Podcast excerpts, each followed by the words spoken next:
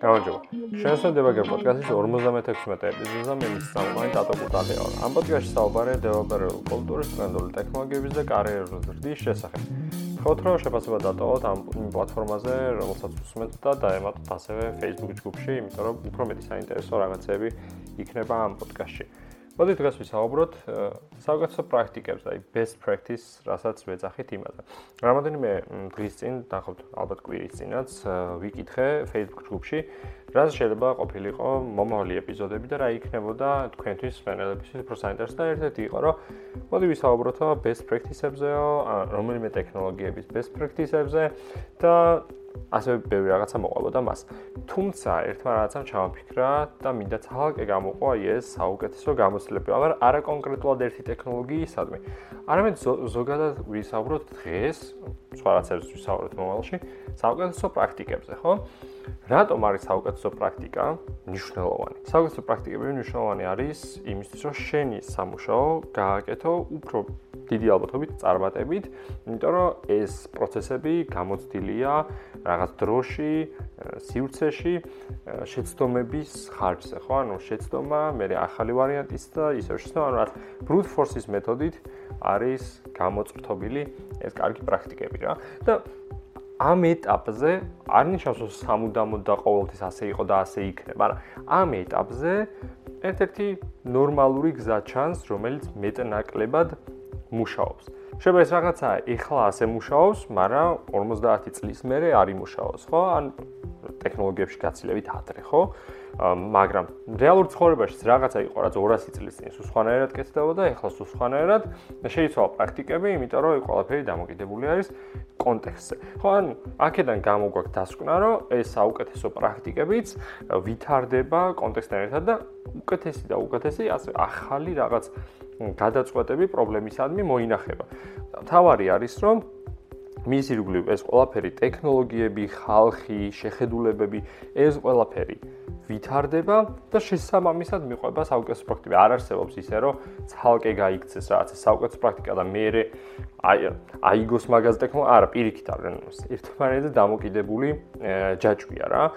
ეს გეხმარება რომ რაღაცა საკითხებს უფრო მალე შეხედო სწორი კუთხით. მაგრამ ყოველთვის სწორი კუთხით, აი ეს არის საკითხავი. მოდი გადავიდეთ ახლა საკითხზე, რა არის საუკეთესო პრაქტიკები. ხო, ვისაუბრეთ რატომ არის მნიშვნელოვანი. ახლა რა არის, უფრო ახლოს განვიხილოთ. ხშირად საუკეთესო პრაქტიკები, რომელიც მიღებულია, არ არის რეალურად ყველაზე ეფექტური გზა, რომ გააკეთო ეს კონკრეტული ამოცანა. უბრალოდ ხშირ შემთხვევაში ეს მიგიყვანს მიზნამდე, თუმცა არა ყოველთვის ეფექტურად, უბრალოდ ხვებთან განსხვავებით, ყველაზე ხშირად გამოყენებულია, რომელმაც მიიყვანა ხვები დანიშნულების ადგილამდე. და ამის გამო ჩაითვალა, რომ ეს არის საკმარისად დამაკმაყოფებიდან კარგი გზა, რომ გაკეთდეს ეს კონკრეტული ამოცანა, გაკეთდეს აი მართლა ყველაფერს ამოცანა რომ დავარქვათ, გადაიჭრას ყოველი ასეთი ამოცანა. თუმცა არნიშნავს რომ ეს არის ყველაზე ეფექტური გზა და არც იმას ნიშნავს რომ აუცილებელი არის ყველა მიხმაროს ეს, იმიტომ რომ არსებობს ისეთი ამოცანები, რომელიც არ ერგება ან არ მოინახება საუკეთესო პრაქტიკები ერთი. იმიტომ რომ ეს ამოცანა ძალიან განსხვავებულია და არ არის მასზე საკმარისი ცოდნა დაგროვილი, ანუ საკმარისი ტესტები არ ყოფილა მასზე, რომ გამოიკვეთო საუკეთესო პრაქტიკა, ანუ თითო ორი ხმით ვერ იტყვი, რომ ეს არის საუკეთესო ხმა, იმიტომ რომ ზუსტად იგივენარი წილი შეიძლება კონდეს სხვა ამოხსნეს გზას და ითქვას, რომ ის არის. ანუ აქ რასაც ვამბობ ეს არის თლიან აი ტექნოლოგიის გამოყენებას ყოველდღიურ ცხოვრებაში რასაც ვაკეთებ ის გადაწყვეტილებები რომელსაც ცხოვრებაში ვიღებთ ან ყველაფერს ეს საუკეთესო პრაქტიკები ემხრობა. და მეორე ძალიან ვიწრო მიმართულების რაღაც ამოცანა არის, ანუ ძალიან ვიწრო ისეთი რაღაცა, სადაც ისევ არ ერგება ას მასიური გავრცელების ალგორითმები ამ პრობლემის გადაჭრას, ხო? მაგრამ შეგვიძლია ეს ისე ვიქამდე დავიყვანოთ, რომ ამ პრობლემას მაინც იმდენი ადამიანი არ შეხებია, რომ პოპულარული გამხდარიყო და მასისთვის უფრო, ასე ვთქვათ, გაპაფსავებულიყო, როგორც იტყვიან ხოლმე და შემდგომ მორგებულიყო, ან მაგ ან ანუ ბევრს გაეცვითა ეს გზა ამ პრობლემისგან მიმავალი, ვინც იქნებოდა. ხო? ეს არის სადან მოდის საუკეთესო პრაქტიკები. და ხშირად ეს საუკეთესო პრაქტიკები, ხო, სხვა სხვა მიმართულებით, სხვა სხვა ტექნოლოგიებში, სხვა სხვა ექსპერტიზის დარგის მიხედვით, ხო, განსხვავდება. ზოგიერთი არის, რომ ძალიან კარგად ერგება იმ დარგში ზუსტად ერთი ერთზე ჯდება რაც ამოხსნათ. ზოგან არის რომ პირიქით ძალიან ღია არის, ასე ვთქვათ, იმპროვიზაციისთვის. მაგალითად რაღაცა ტიპის განტოლების ამოსახსნელად, ну, კარგი პრაქტიკა ალბათ, რომ ეს გამოიყენო ეს მეთოდი სხვა არსებული მეთოდებისგან, რადგანაც ვთქვათ, ყველაზე მარტივი სასწავლი არის უფრო მარტივად შეგიძლია სხვებს თორნა გადასცე, შეგიძლია რომ ნაკლები წვალების გარეშე, თქვა ზემდა ციგრმეებში ჩასვლის გარეშე მიიღო პასუხი და ნუ აი ეს რაღაც ალგორითმი მუშაობს შენთვის.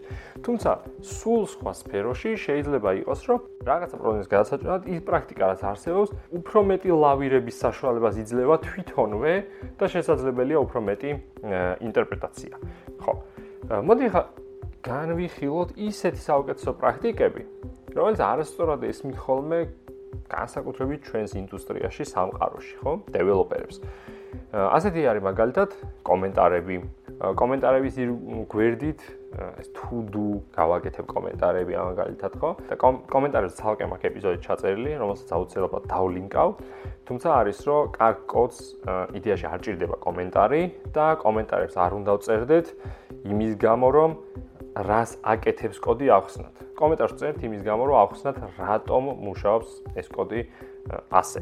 ხო და ეს ხშირად უნივერსიტეტში გვასწავლიან ხოლმე, რომ აი კოდს კომენტარები დაუწერეთ და რაღაცა do ჩამოწერეთ, რას იზამთ, რას აპირებთ და შემდგომ ეს უნარჩვევები ძალიან ბევრ დეველოპერს მიყვება და ალბათ იცით, რომ რაც ნასწავლი გაქვს იმის გადასწავლა ბევრად უფრო რთულია, იმიტომ რომ ჯერ უნდა დაივიწყო რაც ისწავლე, გამოიჯინო ან პრაქტიკიდან ამუშალო და ახალი ისწავლო.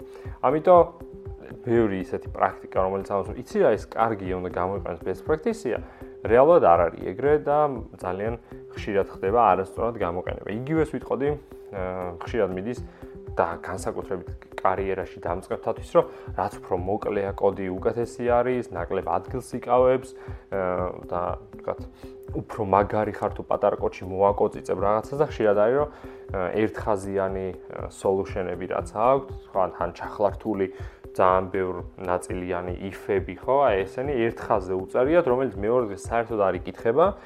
თუმცა ხშირად აი ეს ამობენ, რომ რაღაც ნაწილში მოკლე კოდი უფრო ეფექტურია.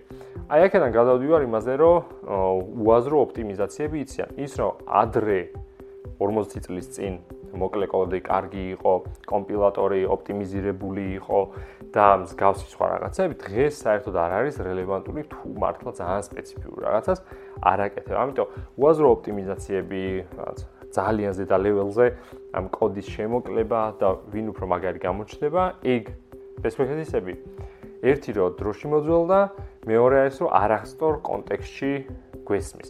ამიტომ ეს ეს რაღაცები უფრო თვალნათლი რო მიჩვენებინა რა არის პერსპექტივები, რომელსაც ჩვენ ზოგჯერ ასწავლთ, ვიყენებთ, ხო? აი ესენი არის, რომელიც ყოველდღე ხდება ჩვენს გვერდით.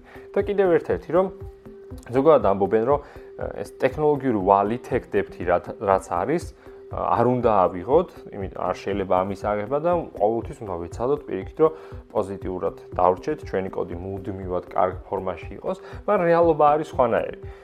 ეგდებთი ანუ ტექნოლოგიური ვალი იმიტომ ქვია რომ შეგვიძლია ავიღოთ ეს ვალი.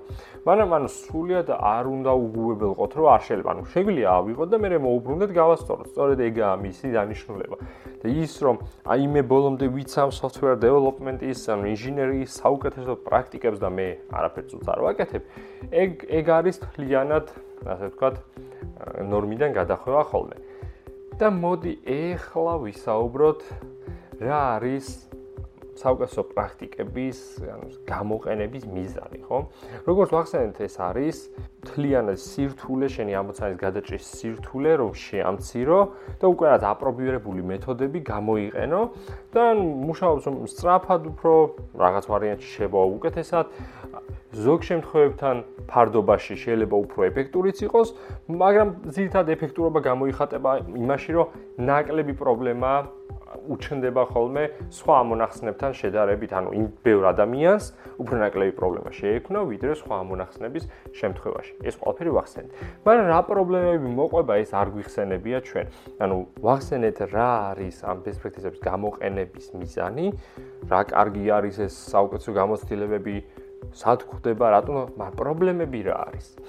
პრობლემები არის, რომ როდესაც ჩვენ გვინდა რაღაცა სხვა გამოვიყენოთ და არ გამოვიყენოთ საუკეთესო პრაქტიკა, იმიტომ რომ ჩვენს ამოცანას თქვა არ ერგება, ან აუცილებელი არაა რომ ამ ამოხსნით წავიდეთ, იმიტომ რომ არსებობს ბევრი სხვა ამოხსნა, რომელიც შეიძლება საინტერესო და ასევე სასარგებლო იყოს. პრობლემა არის, რომ ყველა დანარჩენს უნდა დაუპირისპირდეთ, ვინც თქვა ამ ამოცანებს ხსნიდა ამ პრობლემებს ხსნიდა, ვინც შეიძლება გუნჩი ყავს, იმიტომ რომ ეს შეიძლება უნდა შევარყიოთ მათი შეხედულებები და უთხრათ, რომ იცი რა, საუკეთესო პრაქტიკები კარგია, მაგრამ არ არის ყოველთვის ის, რასაც ვეძებთ.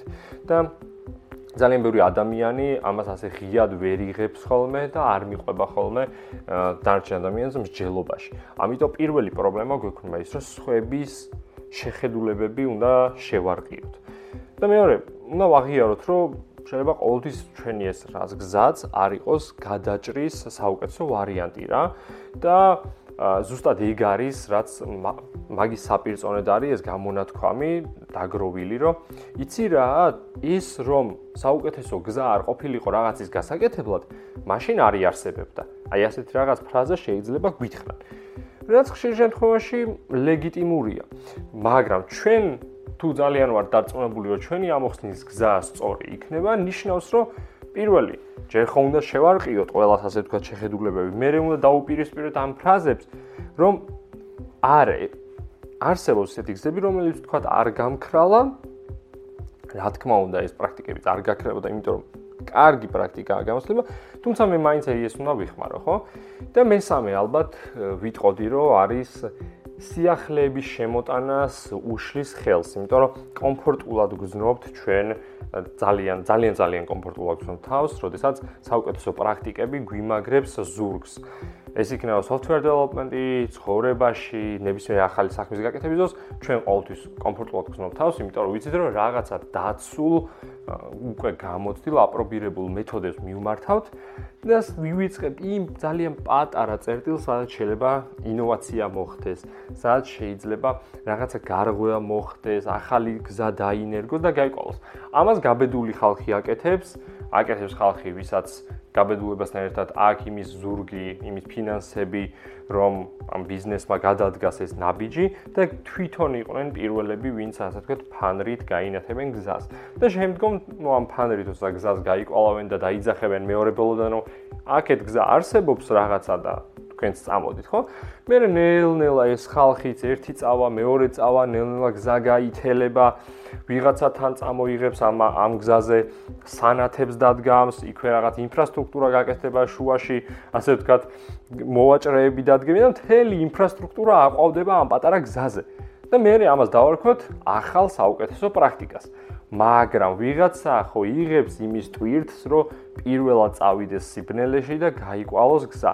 ხო და სწორედ ეს არის, რომ ყოველი ახალი პრაქტიკა ხელს უშლის ამ ინოვაციას. თუმცა ეს ძალიან ბუნებრივია, უბრალოდ ზოგჯერ უნდა შეძლოს შევაფასოთ სადვართ და ღირს თუ არა იქით ნაბიჯის გადადგმა. დღეისთვის სულ ეს იყო. იმედი მაქვს მოგეწონათ ეს ეპიზოდი. კომენტარები და ნებისმიერი კითხვები გამოუშვით Facebook ჯგუფში. შევხვდებით მომავალ ეპიზოდში. ნახვამდის.